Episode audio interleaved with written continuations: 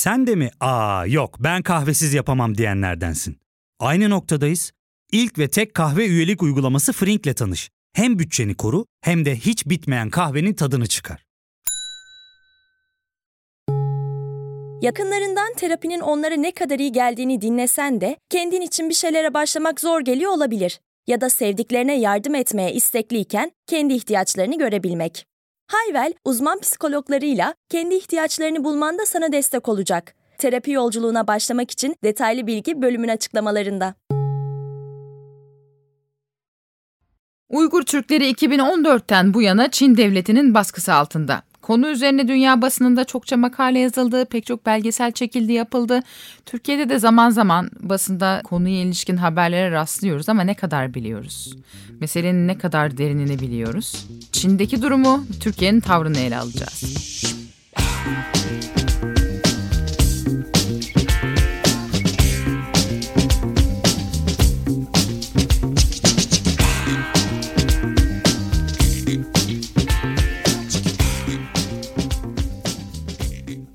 Madam President, I have the honor of delivering this cross regional joint statement on behalf of the following 39 countries. Albania, Australia, Austria, Belgium, Bosnia and Herzegovina, 75. Birleşmiş Milletler Genel Kurulu 3. Komitesi'nin 6 Ekim 2020 tarihli oturumunda Almanya'nın daimi temsilcisi Christoph Heusgen bu konuşmayı yaptı ve 39 ülke Çin'e çağrıda bulundu. Çağrıda etnik azınlıklara özellikle Tibet ve Sincan bölgesinde bulunan Uygur Türklerine yapılan ve raporlarla desteklenen insan haklarına karşı tutumundan vazgeçmesini ve 1 milyonun üzerinde insanın Çin'in eğitim kampı dediği ancak insanların alıkonulması gerekçesiyle toplama kampı olarak adlandırılan yerleşkelerden Uygur Türklerinin serbest bırakılmasını talep ediyor. Şimdi konunun detayına gireceğim ancak biraz geçmişe gidelim. 2012'de o zaman başbakan olan Recep Tayyip Erdoğan, Uygur Türklerinin yaşadığı Sincan bölgesini ziyaret eden ilk Türkiye Başbakanı olmuştu. Başbakan Recep Tayyip Erdoğan, Uygur Türklerinin yoğun olarak yaşadığı Sincan Uygur özel bölgesini ziyaret eden ilk Türkiye Başbakanı oldu. Nasılsınız? Başbakan yardımcısı Bekir Bozdağ ve 5 bakan, 300 iş adamıyla Çin'e giden Başbakan Erdoğan'ın uçağı Sincan Uygur özel bölgesinin başkenti Urumçi'ye indi. Başbakan Erdoğan ve eşi Emine Erdoğan çiçeklerle karşılandı. Tarihi Büyük Camii'yi ziyaret eden Başbakanı ilk kez görecek olan Uygur Türkleri sabırsızdı. Başbakan Erdoğan'ın cami çıkışını bekleyen Uygur Türklerini polis güçlükle tutuyor. Başbakan Erdoğan'ı göremeyenler gözyaşlarına boğuldu. Çok heyecanlıyız ya şimdi. Aa, çok sevindik ama. Başbakanın da cami ziyaretinden sonraki durağı Büyük Pazar oldu. Bölgenin en büyük pazar yerinde Başbakan Erdoğan hem alışveriş yaptı hem de kendisine sunulan kuru meyveleri tattı. Uygur Türkleriyle sohbet eden başbakan çocuklara özel ilgi gösterdi. Başbakan Erdoğan'ın Urumçi'den sonra programında Pekin ve Şangay var. Burada dış politika konuları ve nükleer enerji masaya yatırılacak. Videonun sonunda dikkat ederseniz Başbakanın programının Pekin ve Şangay ile devam edeceği belirtiliyor. Yani Erdoğan Çin'e gitmiş ancak ilk Sincan'ı ziyaret etmiş. Programına Sincan'dan başlamış. Elbette ziyaretin bu şekilde yapılması hem Çin yönetimine hem de Çin'de yaşayan Türk azınlığa dair önemli bir mesaj da o dönemde. Uzun bir süre pasaport bile verilmeyen Uygur Türklerine 2014 senesinde bir anda Çin hükümeti tarafından pasaport dağıtılıyor ve ülkeden çıkmaları teşvik ediliyor. Hatta Türkiye'ye gelen 18 Uygur Türk'ünün havalimanında 35 gün bekletilmesi o zaman Kanal D'de yayınlanan Genç Bakış programında MHP milletvekili Oktay Vural'a soruluyor. E böyle bak Doğu Türkistan çok güzel. Gerçekten 18 e, gün Doğu Türkistan'dan gelen 35 e, Türk vardı e, havaalanında, havaalanında bekletildi. E, zar zor müdahale ederek ancak soktuk ama e, ne oluyor? Suriye'den isteyen istediği gibi geliyor. Vural'a cevabı Başbakan Erdoğan vermişti. Evet diyor. Hava meydanındaki 18 taneyi diyor biz kurtardık diyor. Sen kimsin de neyi kurtaracaksın ya? Haddini bil bir defa. İki, biz şu ana kadar binlerce Uygur Türk'üne vatandaşlık vermek suretiyle onları idamdan kurtarmış bir hükümet.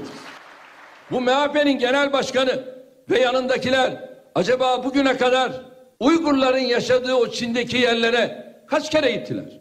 İnanın bir kere gittiklerine ben inanmıyorum. Şahsım da gitti, bakan arkadaşlarım da gitti ve hala gidiyoruz. Biz Moğolistan'dan tut, oralardaki bütün o tarihi mekanları, Göktürk anıtlarını, bütün Kültikin anıtlarını hepsini inşa ettik. Hala da inşa etmeye devam ediyoruz. Bunu kendi idarecileri de biliyor. Ta Karakurum'dan biz Göktürk anıtlarına kadar 42 kilometre orada yol inşa ettik. Yol mol yoktu. Niye? Bizim medeniyetimizin kökü neredeyse biz oralara ulaştık. Ama bunlar milliyetçiyiz diyerek hep istismarını yaptılar. Bunlar dürüst değil. Tabii pasaportları alan kişilerden bazıları Türkiye'ye veya farklı ülkelere gittiler ancak büyük çoğunluk topraklarını terk etmedi veya edemedi. 2017 senesinde ise verilen pasaportlar geri toplanmaya başlandı ve Çin hükümeti eğitim kampı adını verdiği toplama kamplarını hayata geçirdi. Tabii artık Çin dünyanın en büyük ekonomilerinden ve en büyük güçlerinden biri. Çin yönetimine karşı yapılan en ufak negatif çıkışın ardından çok sert yaptırımlar gelebiliyor. Geçen sene hatırlarsanız Hong Kong'da Çin hükümetine karşı protestolarda göstericilerin yanında olduğunu belirten NBA takımlarından Houston Rockets'ın CEO'su Daryl Morey'in tweet'i üzerine Rockets takımına sponsor olan Çinli firmalar sponsorluklarını iptal etmiş, Rockets'ın maçlarının Çin'de yayınlanması durdurulmuştu. Bunun üzerine Morey ve hatta NBA yönetimi Çin'den özür dilemişti.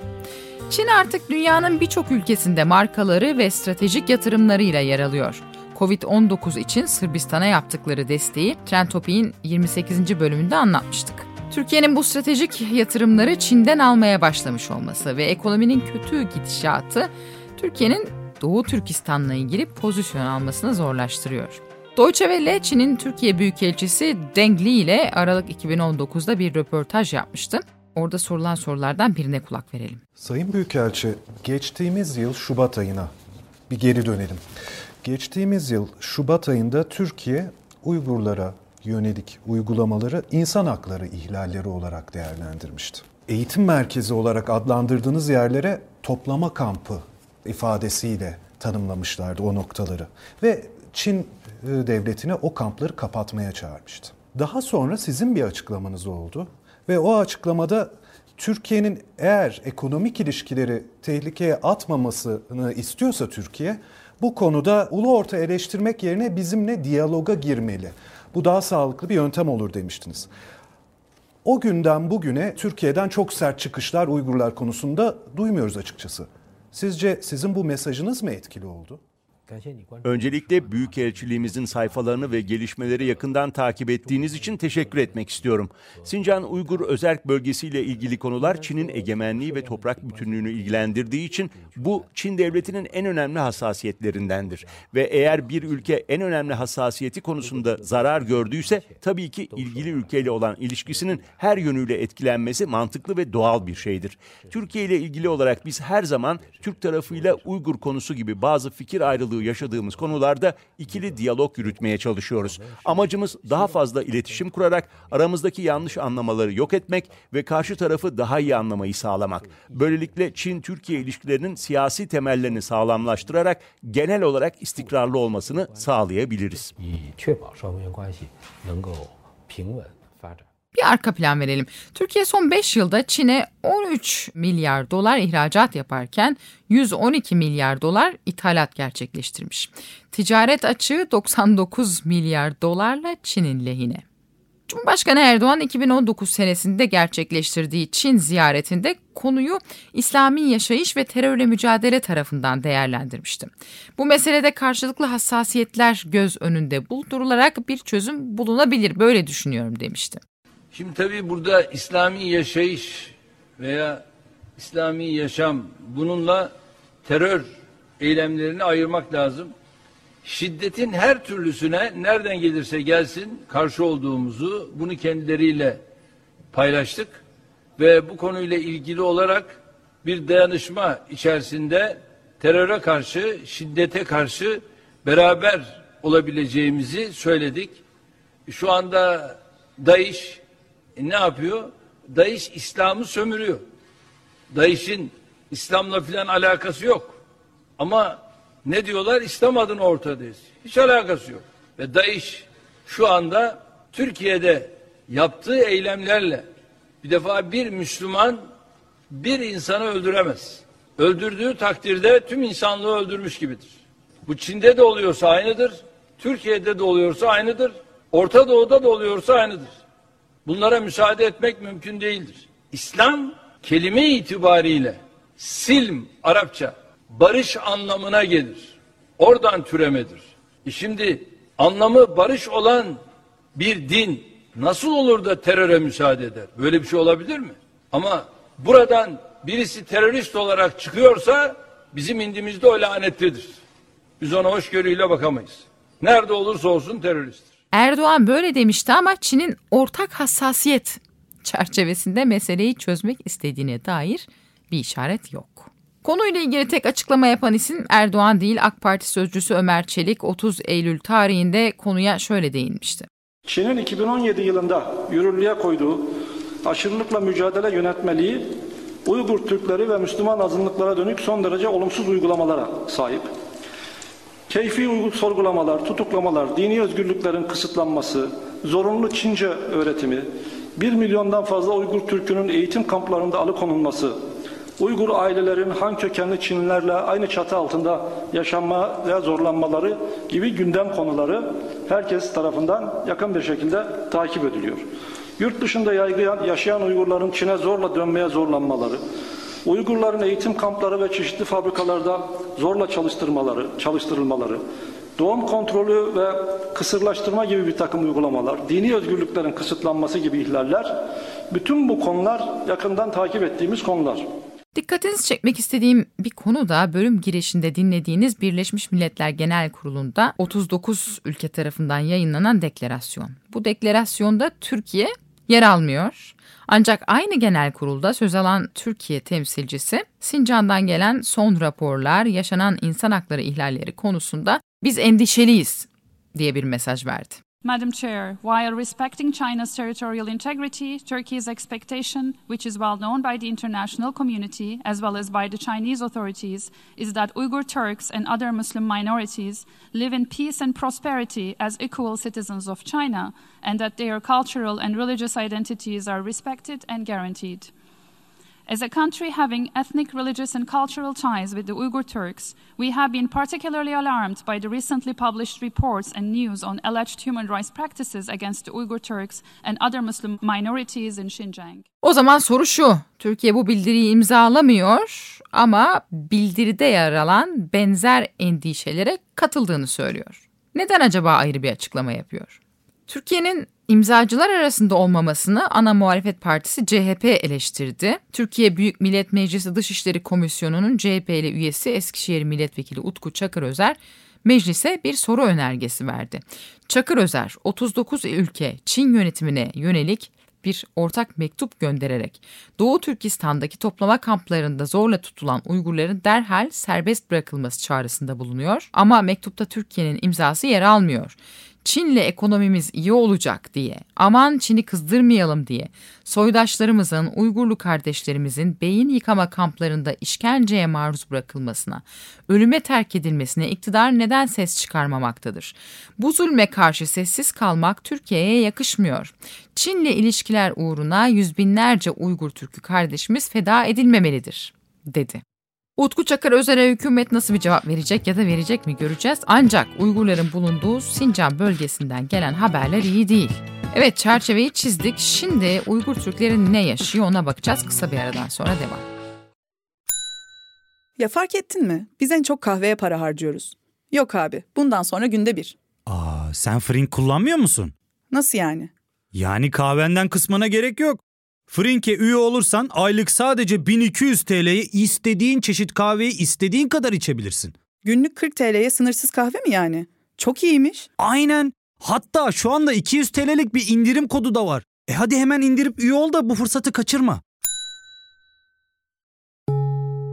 Terapiye başlamak, içinden çıkamadığın döngüleri kırmak, bazı yanlış bulduğun kararlarını değiştirmek ve kendinle beraber daha huzurlu bir yaşam inşa etmek için atabileceğin en değerli adımlardan biri. Hayvel ile yoğun yaşam tempona uyum sağlayarak online terapi seanslarını takvimine göre ayarlayabilirsin. Bini aşkın uzmandan sana en uygun terapisti seçebilir, PodB10 koduyla indirimden yararlanabilirsin. Detaylı bilgi açıklamalardaki bağlantıda. Çin 2014 senesinde Kunming tren istasyonunda gerçekleştirilen ve 31 kişinin hayatını kaybettiği saldırılara karışan 3 kişiyi idam etmişti. Bu üç kişinin isimlerinin etnik Uygur isimleri olduğu biliniyordu. Aslında Çin bu bahsettiğimiz kamplarla terörü sonlandırdığını iddia ediyor. Son 3 yılda herhangi bir terör olayının yaşanmadığını belirtiyor. Yani işte Uygurlar arasında cihatçı hareketler yükselişte biz bu kampları açarak bu cihatçı yönelimi sonlandırmaya çalışıyoruz diyor Çin yönetimi. Kasım 2019'da New York Times'a sızdırılan Çin hükümeti iç yazışmalarında Sincan bölgesi için Başkan Xi Jinping'in No Mercy yani acımak yok şeklinde direktif verdiği belgelenmişti. Üniversite tatilinde Sincan'a dönen öğrenciler ailelerinin, komşularının evlerde olmadıklarını görüyorlar. Buna hazırlıklı olan Çin hükümeti Sincan'da öğrencilerle konuşarak yetkililer için bir soru cevap dokümanı hazırlıyor. İlk soru ailem nerede? Buna cevap aileniz hükümet tarafından kurulan eğitim kampında. Soru cevap formu aynı zamanda belli tehditler de içeriyor. Ailenizin ne kadar süreyle içeride kalacağı sizin konuya vereceğiniz tepkiye bağlı olarak kısaltılabilir veya uzatılabilir deniyor. Eylül ayında Le Monde gazetesinde bölgeyle ilgili çok çarpıcı bir yazı yazıldı. Şimdi sizlere yazıyı aktaracağım. Yazı şöyle. Çin devleti son özel alanı da gözetim altına almak için Çinli görevlileri ayda bir hafta Müslüman azınlıkların evlerinde uyumaya gönderiyor. Ayda bir hafta evde kalıyorlar, yemekleri paylaşıyorlar. Çin yemeklerini nasıl pişireceğini bildiklerinden emin oluyorlar. Bulaşıklara yardım ediyormuş gibi davranıyorlar ancak bu sırada Kur'an aramak için evin her köşesini inceliyorlar. Anneleri arkasını döner dönmez çocuklara sorular soruyorlar. Ebeveynler onlarla Allah hakkında konuştu mu? Cuma günleri camiye gittiler mi? Anne ikisi kız, biri erkek, üç çocuğuna bu garip ziyaretçilerden gelen tüm bu sorulara hayır cevabını vermeyi ya da onlardan kaçmayı öğretmişti. Geceleri de kuzenler oradaydı. Zümrüt Davut ve kocasıyla aynı odada yerde bir şilte üzerinde uyuyor. Sabah banyolarını kullanıyor ve ardından onlar için hazırlanan kahvaltı yiyorlardı. Şu anda ailesiyle birlikte Amerika Birleşik Devletleri Virginia'da bir mülteci olan 38 yaşındaki Davut, onlar için bir oyun gibi görünüyordu ancak bizi gözetlemekten ibaretti diyor.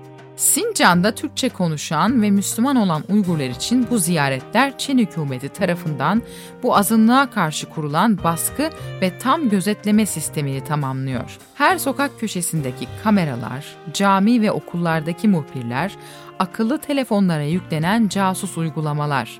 Buna ek olarak en az 1 milyon Uygur yeniden eğitim ve zorla çalıştırılan toplama kamplarına gönderildi. Yine de bir kör nokta kalmıştı aile evi. İşte o zaman bu garip kuzenler Han Çinlileri ortaya çıktı ve ailelerin zorla Çinlileştirilmelerine direnmemelerini sağlamak için, tedirginliklerini arttırmak için kendilerini Uygur evlerine soktular. Bu politikanın etnik grupların tek bir aile içinde birleşmesi adı verilen ilk denemesi 2016 yılından kalma. 100 binden fazla memur daha sonra bölgenin güneyindeki aileleri ziyaret etmek zorundaydılar. Bölge Çin etkisine en düşman Uygur nüfusun %70'inden fazlasını oluşturuyor.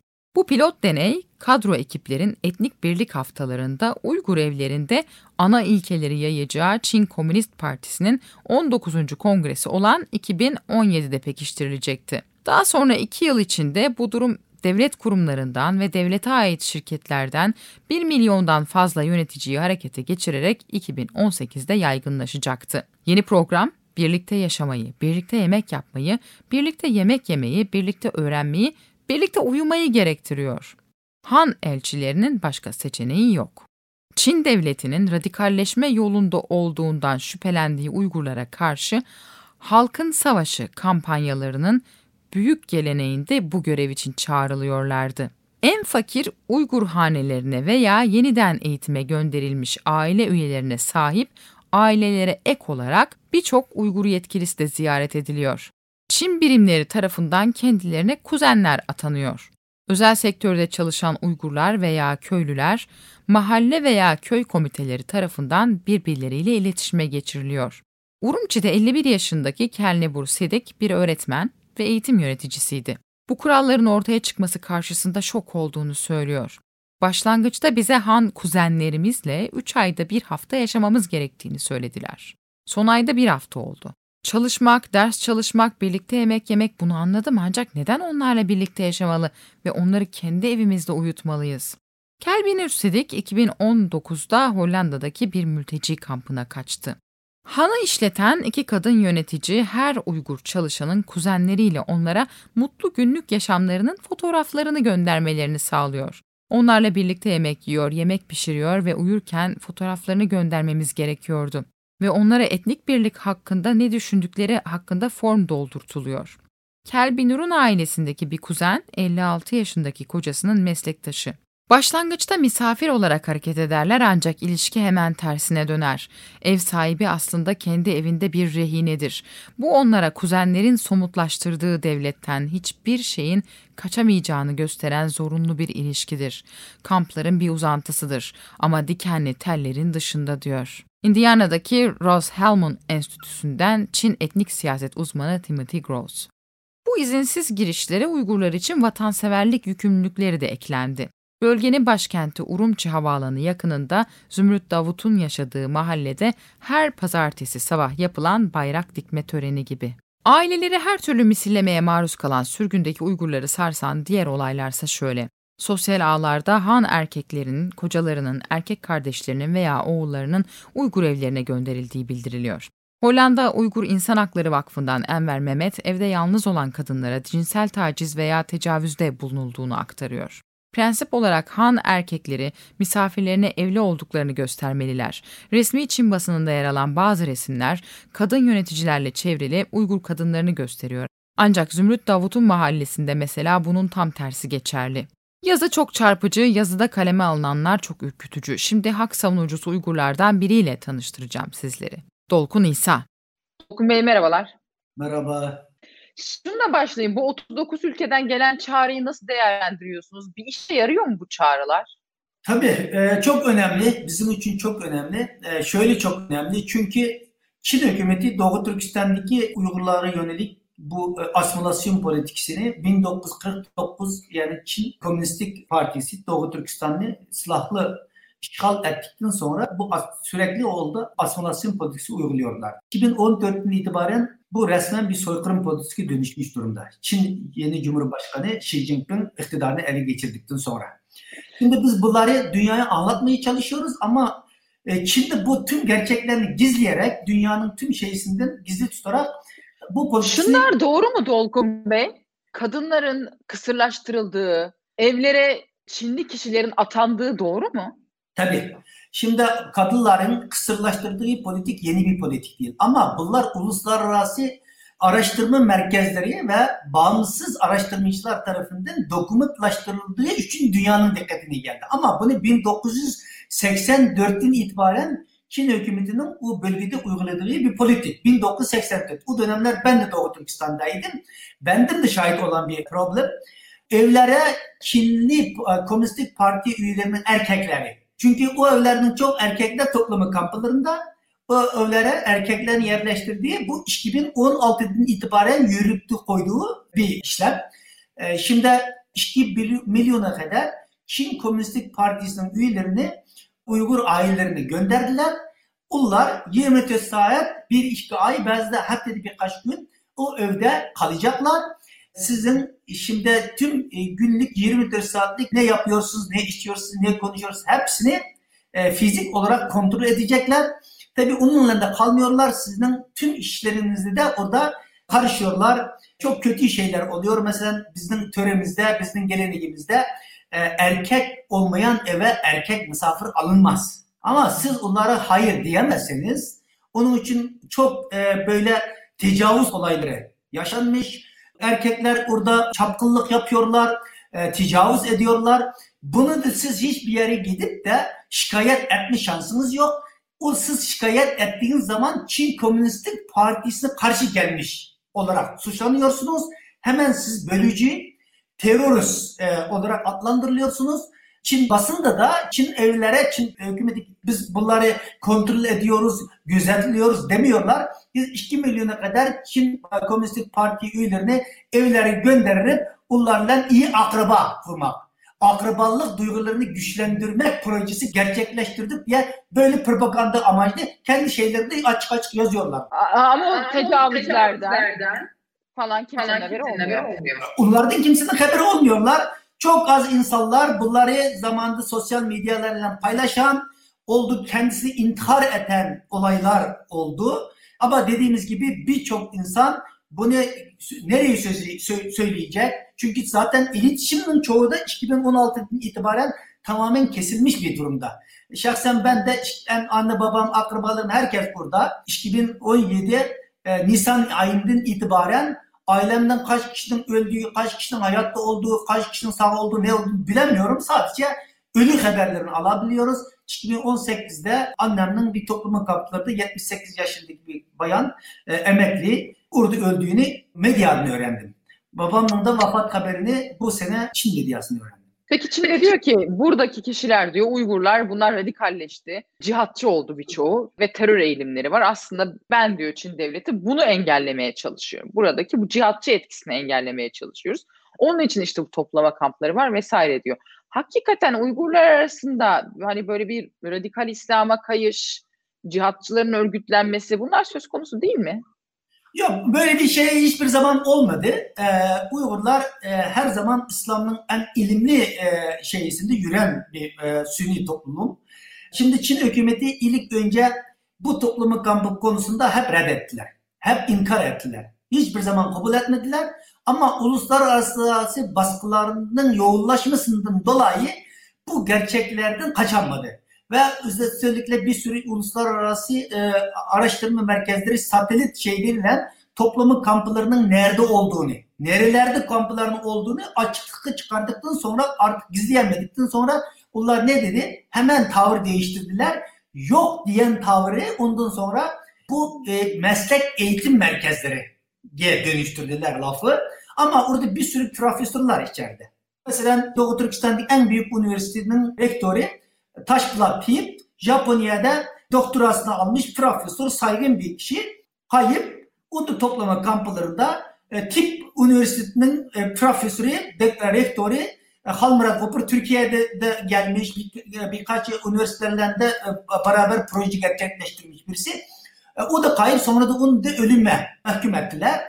E, yani bir sürü böyle dediğimiz gibi bir sürü ilim adamları, sporcular, sanatçılar, medya çalışkanları, benim annem gibi emekli kadınlar hepsi toplamı kampında olduğu için bunlar da uluslararası basın kuruluşları ve bizler de rapor halinde sunduktan sonra Çin hükümeti bunu da gizleyemedi. Dedik bunların meslekle, meslek eğitimiyle bir şeysi yok ki. Dedikten sonra tavır değiştiler ben terörizmle, radikalizmden karşı savaşıyorum. Evet. Ama peki şöyle bir şey var mesela Suriye'de değil mi Uygurlu grupların Suriye Savaşı'na dahil olduğu mesela çok yazıldı çizildi. Evet. Acaba yani diasporadaki e, Uygurlarda böyle bir radikalleşme söz konusu mu? Yok şimdi her toplumda var. Ufak ufak ama o, o hiçbir zaman tüm toplumunu temsil edebilecek bir sayede değil. Şimdi Suriye'de evet biz de duyduk uluslararası basından orada da değişik grupların içinde Uygurlar varmış ama kimler yok ki orada? Almanya'dan gidenler var.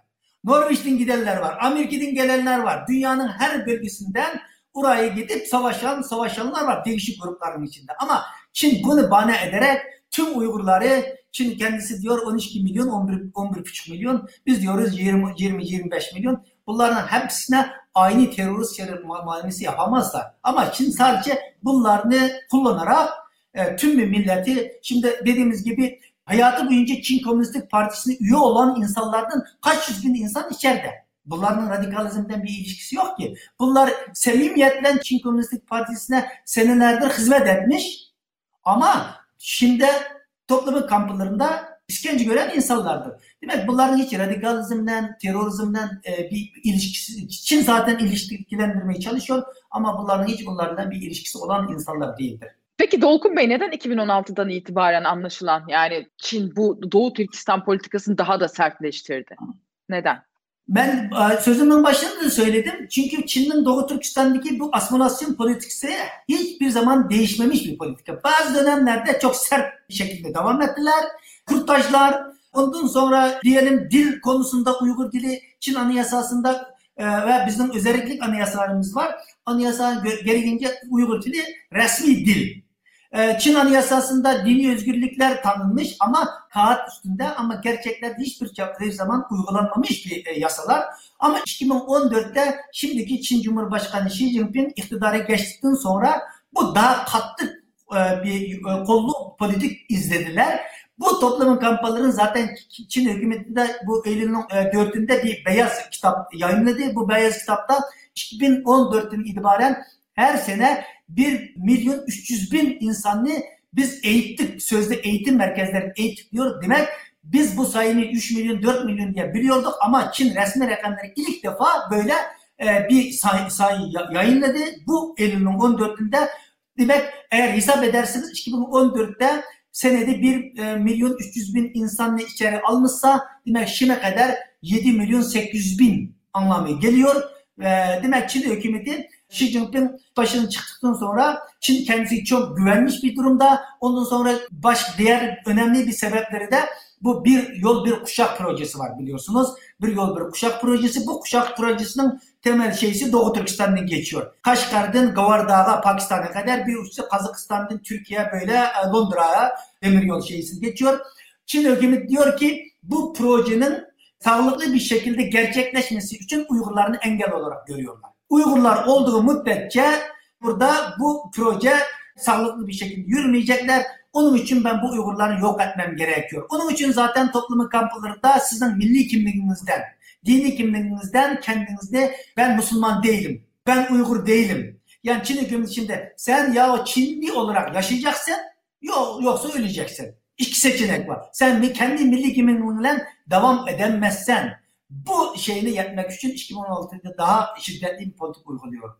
Peki bir şey söyleyeceğim Dolkun Bey. Bu işin çözümü ne? Yani ne olursa Çin durur. Çin'i kim durdurabilir? Şimdi tüm uluslararası tüm ülkeler bir dayanışma içinde durdurabilir. Çin 20 sene önce siz de söylediğiniz neden 2016? Çin 20 sene önce dünyanın süper ekonomik gücü değildi. Şimdi bu hale getiren bugünkü Batı ülkeleridir. Avrupa teknolojisi, Amerikan teknolojisi bunlar bunları parasal yardım e, yaptılar. Te teknolojileri onlara şey yaptı. Ucuz iş gücü diye. E, onlar düşündü ki belki e, Çin'de böyle ekonomik bir kalkınma olduğu takdirde belki siyasal bir reformda gelebilir. Ama Çin ekonomik yönden yükseldikçe daha da arkaya dönmüş. Sadece bugün Uygurlara yönelik değil. Tibetliler yönelik katlı kollu bir siyaset var orada. Çin kendi halkını bile, Çin kendi halkını bile, insan hakları aktivistleri, insan haklarını savunan avukatlardan yüz binlerce insan içeride şimdi. Çin Hristiyanları bile, Katolikleri bile, e, e, Tibet Budistleri bile baskı uyguluyorlar. Şimdi Çin dünyanın ikinci süper gücü olduktan sonra Çin şimdi ha herkes bana bağlı. Kimse beni durduramaz diye bir yolu çıkıyor. Bunun için bu meselede dünyanın tekrar düşünmesi gerekiyor. Bunun için dünya bir balık halinde hareketi geçmesi, Birleşmiş Milletler'de siz de lafın başında söylediğiniz 39 ülkenin bir baskı e, bildirinin yayınlanması bu e, şeyinde çok önemli. Şimdi Avrupa ülkeleri, Batı ülkeleri ve tüm dünya e, Çin'in burada bir soykırım yaptığını anlaması gerekiyor. Üstelik bunun Peki mesela ne olur? Mesela bu ülkeler derse ki eğer sen işte bu Uygur Türklerine Doğu Türkistan politikanı değiştirmezsen senden bir daha hiçbir şey almayacağız falan evet. mesela. Böyle bir şey mi yapması lazım? Bak böyle bir şey yapması lazım. Ticari şeyleri durdurması gerekiyor. Çin şirketlerine e, yaptırım uygulanması uygulaması gerekiyor. Şimdi biz Avrupa ülkelerinden bunu talep ediyoruz zaten. Bazı ilerlemeler var. Bazı uluslararası şirketler e, Doğu Türkistan'da kul işçi olarak çalıştıran ürünlerini dünyaya pazarlıyorlar. Şimdi bu şirketlerin de buradaki soykırımda payı var. Şimdi bazı ülkeler yavaş yavaş bunu hissetmiş, bazı şirketler hissetmiş, geri çekiliyorlar. Mesela Norveç'te olan petrol fon çekildi. Biz bu işe birkaç aydır çalıştık. Şimdi İsveç merkezlik H&M şeysi şirket Çin'den olan ticari şeylerini durdurma kararı verdi. böyle. Demek şirketler Çin'le olan e, ilişkilerini durdurması gerekiyor. Ondan sonra ülkelerde Çin'in böyle kul işçi olarak çalıştırılan bu soykırıma bağlantılı olan şirketlere yaptırım uygulanması gerekiyor. Çin'e olan parasal ve teknoloji e, şeylerin durdurulması gerekiyor. Bu ancak Çin'i durdurabilecekler.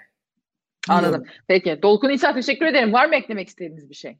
Çok teşekkür ederim bizi konuk ettiğiniz için. Üstelik buradan da Türkiye medyasında bir iki kelime etmek isterim. Şimdi bu kadar soykırım yaşanıyor. Birleş, e, BBC olsun, Al Jazeera olsun, CNN olsun, dünyanın e, Deutsche Welle olsun, dünyanın tüm önemli televizyon kanalları, medya, gazete her günü yüzlerce makale ve röportajlar, belgeseller yayınlanıyor. Ne yazık ki Türkiye medyasında pek fazla bir iki medya harcında bu konuda hep suskun kalıyorlar. Ee, Türkiye özgür bir ülke, özgür bir medya var diye biliyoruz. Ee, bu konuda Türk medyasının daha biraz aktif olması, buradaki soykırımını böyle görmezlikten gelmemesi gerekiyor diye söylüyorum.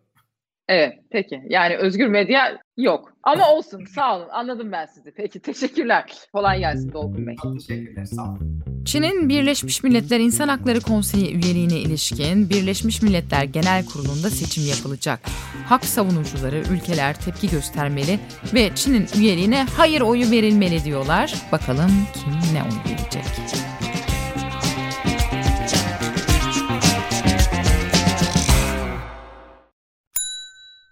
İlk ve tek kahve üyelik uygulaması Frink, 46 ildeki 500'den fazla noktada seni bekliyor. Açıklamadaki kodu girerek sana özel 200 TL'lik indirimden faydalanmayı unutma. Hadi sen de Frink üyeliğini başlat, kahven hiç bitmesin. Hem bugününe hem yarınına katacaklarıyla terapi yolculuğuna ve daha iyi hissetmeye bugün Hayvel ile başla. Açıklamadaki linkten Hayvel'i indir, ücretsiz tanışma görüşmelerinin ardından bütçene uygun seans paketini seç ve terapi yolculuğuna başla.